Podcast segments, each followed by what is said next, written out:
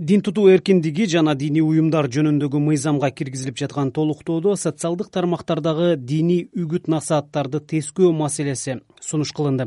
Эгер ал кабыл алынса диний мүнөздөгү таркатмалар менен атайын лицензиясы бар уюмдар гана алектене алат. Серепчилер интернеттеги диний чакырыктардын көбү тарбиялык мааниде болгону менен террордук уюмдар аны өз пайдасына колдонуп айрымдарды оңой эле азгырып алышы ыктымалдыгын белгилешет биз жана дин түрмөгүндө бүгүн whatsappтагы таркатмалар жөнүндө кеп кылабыз.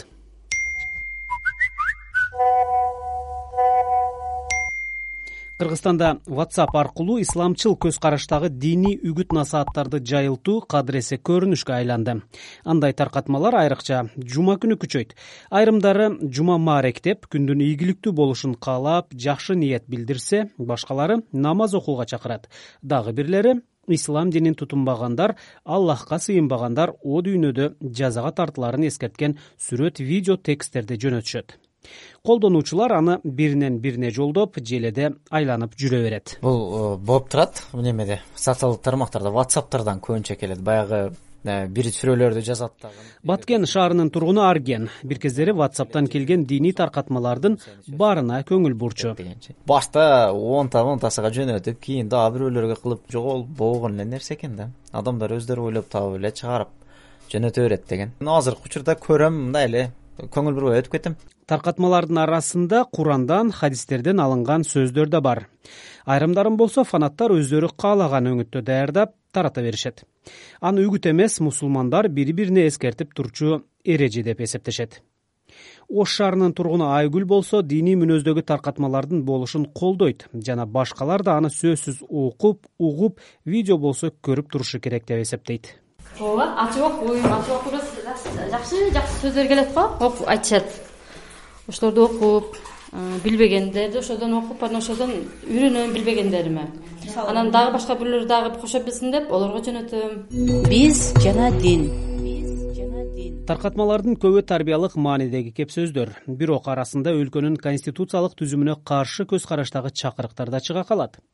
Мисалы айттан башка майрамдарды тосууга тыюу салуу көп аял алууга үндөгөн кыздарды эрте турмушка узатууга чакырган текст сүрөттөр да бар кээде телефондун эс тутуму ушундай таркатмалар менен эле толуп калып ээси аны тазалаганга атайын убакыт бөлөт. Же болбосо чет мамлекетке чыгып жатканда өзү бараткан өлкөнүн чек арачылары телефонду текшерип диний таркатмаларды таап алып баш оорутпасын деп өчүрүп жиберишет. Таркатмаларды ким жасаганына көп учурда көңүл деле бурулбайт. Тарбиялык мааниде экен деп таратыла берет. Же болбосо сүрөдөн алыныптыр демек туура аны башкалар окушу керек деп түшүнгөндөр да бар анын кай бири туура кай бири тескери агымдардын чакырыктары экенин тактап экспертиза деле жүргүзүлбөйт. Эксперт канатбек мурзахалиловдун айтымында карапайым калк арасында диний сабаттуулуктун көрсөткүчү жетиштүү деңгээлде болбогондуктан таалим тарбиясы бар таркатмалар менен экстремисттик идеяларды жайылткандарын айырмалай албагандар табылат эксперт муну бир гана whatsapp эмес башка социалдык тармактардын мисалында да айтып берди. Whatsapp системасы аркылуу таралган диний маалыматтар дагы мына колдонуучулар үчүн түрдүү маалыматтарды камтыйт. Булар тарбиялык мааниси бар кыска роликтер курандын хадистин түшүндүрмөсү менен адамдарды бир жакшылыкка үндөө түрдүү жамандыктардан алыс болууга чакырган сюжеттер дагы бар. Мындан тышкары мына терс көрүнүштөрдү чагылдырган дагы роликтер бар да. Алсак мына жыл башында эле ошо whatsappта пакистанда орун алган таблих жамаат уюмунун мүчөлөрүнүн бири бирине таш атуусу таш бараңга алуусу мечиттин ичинде намазга келген адамдарды атып өлтүргөн окуялар дагы мына бул whatsappты колдонуучулар ичинде түрдүү бир терс пикирлерди жаратты да. Интернет жана онлайн платформадагы үгүт иштери жалпыбыз үчүн кандайдыр бир вирус сыяктуу көрүнүш болуп калды да бул түрдүү интернет булактарда социалдык түйүндөрдө жөнөкөй турмуш тиричиликке тиешелүү болгон маалыматтардан баштап терроризм радикализмди жактаган маалыматтар адамдын аң сезимине багытталып аткандыгы бул жашыруун деле эмес. Көпчүлүк жарандарыбыз мына ушундай тузакка оңой эле илинип калууда кыргызстанда интернет колдонуучулардын токсон пайызы мобилдик интернетти пайдаланары айтылат.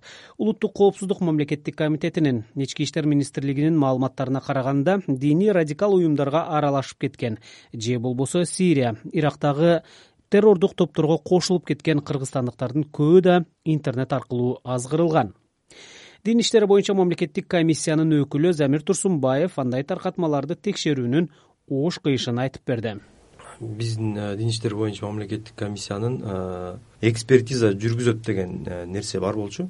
Бирок ошол экспертиза эки миң он сегизинчи жылдын экинчи жарымынан баштап дин комиссиясы экспертиза жүргүзүү укугу жок деген жогорку жактан бизге көрсөтмө берилгенден кийин атайын кыргыз республикасынын соттук экспертиза кызматы ачылып ошол жака өткөрүп берилди да дин таануу экспертизасы ал эми ага чейин ошо сиз айткан whatsapp жана соц тармактардан келген рассылкалардын баардыгына экспертиза жүргүзгөн да. Жана диний адабияттар менен биргеликте элечи. Бирок бүгүнкү күндө деле экспертиза жүргүзөт бирок соттук экспертиза жүргүзбөйт. Мисалы тиешелүү мамлекеттик органдар укук коргоо органдары прокуратура бизге кайрылышы мүмкүн. Рассылкалардын мазмуну кайсыл диний жамаатка тиешелүү дегенчи. Ошондой дин таануу гана эксперт корутунду беребиз. Ал эми соттук экспертиза бербейбиз. Биз жана дин кыргызстанда жарандык коом динчилдер атеисттер диний жана светтик көз карашты кармангандар болуп үч төрткө бөлүнөт. Интернет аркылуу жайылтылып жаткан таркатмаларда экстремисттик уюмдардын атрибуттары байрак согуш күндөгөн чакырыктар болбосо ага эч кандай тыюу салынбайт ички иштер министрлигинин экстремизмге жана мыйзамсыз миграцияга каршы башкармалыгынын маалыматына караганда эки миң он сегизинчи жылы эл арасында он миңден ашуун түшүндүрүү иштери жүргүзүлдү. Аларга диний таркатмаларды мүнөзү мазмунуна карай ажырата билүү жаатында кеп кеңештер берилгенин министрликтин адистери билдиришти.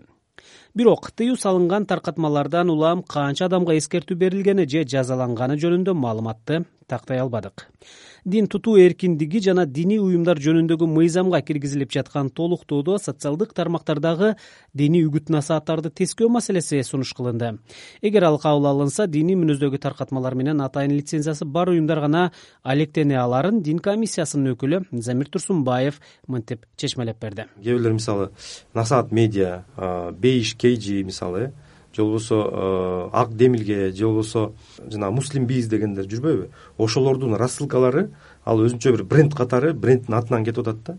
Ошолор бир э, диний үгүт жүргүзгөндүктөн ошолорду бир диний э, үгүт ишин жүргүзгөн борбор катары каттоого өткөрүш керек деген. Ал эми жөнөкөй жаран деле мисалы ошол тараткан рассылкалары ошолордун үгүт баракчалары же болбосо аудио видео материалдар болуп атпайбы? Ошо катталып өтүлгөндөн кийин тарата берсе болот. Ошондо кайсыл бир деңгээлде баягы каттоодон өткөн бир бренд же болбосо бир маркировканын атынан болуп калат. Ал эми ошондо жанагындай түшүнүксүз жана радикал экстремисттик идеология болуп калбайт деген бир эме келип чыгат да. Бул маселе дагы негизи дыкат кылдат бир э, иштеп чыгууну дагы толуктоону талап кылат да ошон үчүн бул бизде мыйзам азыр дагы эле ошол эменин үстүндө да. Бирок кыргызстан мусулмандар дин башкармалыгынын өкүлү акимжан эргешов диний таркатмаларды мыйзам менен чектөө туура эместигин айтты.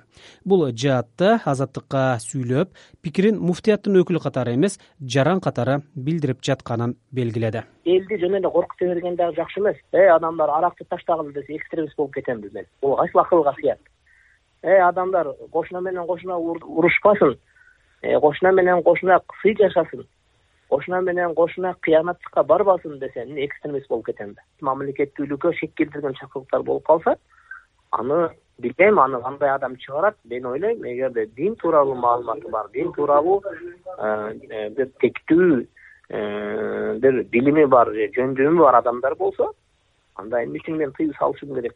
Бул маселеге келген учурда ар бир кишинин бүгүнкү күндө өзүнүн оюн билдирүүгө укугу бар. Туурабы бул биздин мыйзамыбыз конституциялык же болбосо демократиялык же болбосо светтик мыйзам чени ошондой. Демократиялык светтик өлкөлөрдө алар жылаңачтап көчөгө басууга деле чакыра берет. Аны биз көрүп эле жүрбөйбүзбү. Ал эми эксперт канатбек мырзахалилов таркатмалар дыкат текшерилиши керектигин айтып тарбия жагынан муфтияттын атайын өкүлдөрүнүн же эл тааныган динаятчылардын гана таркатмаларын пайдалануу оң деп эсептейт. Бүгүнкү күндө дагы кибер терроризм деген ат менен түрдүү радикалдык топтордун иштери активдеше баштады.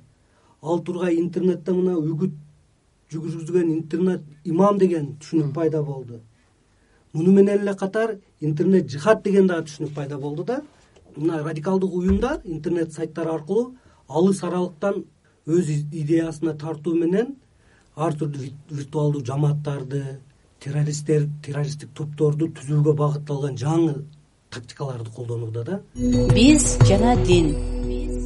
Сиз азаттык радиосунда биз жана дин түрмөгүнүн кезектеги чыгарылышын уктуңуз. Аны эксперт канатбек мырзахалиловдун көмөгүндө мен санжар эралиев обого даярдадым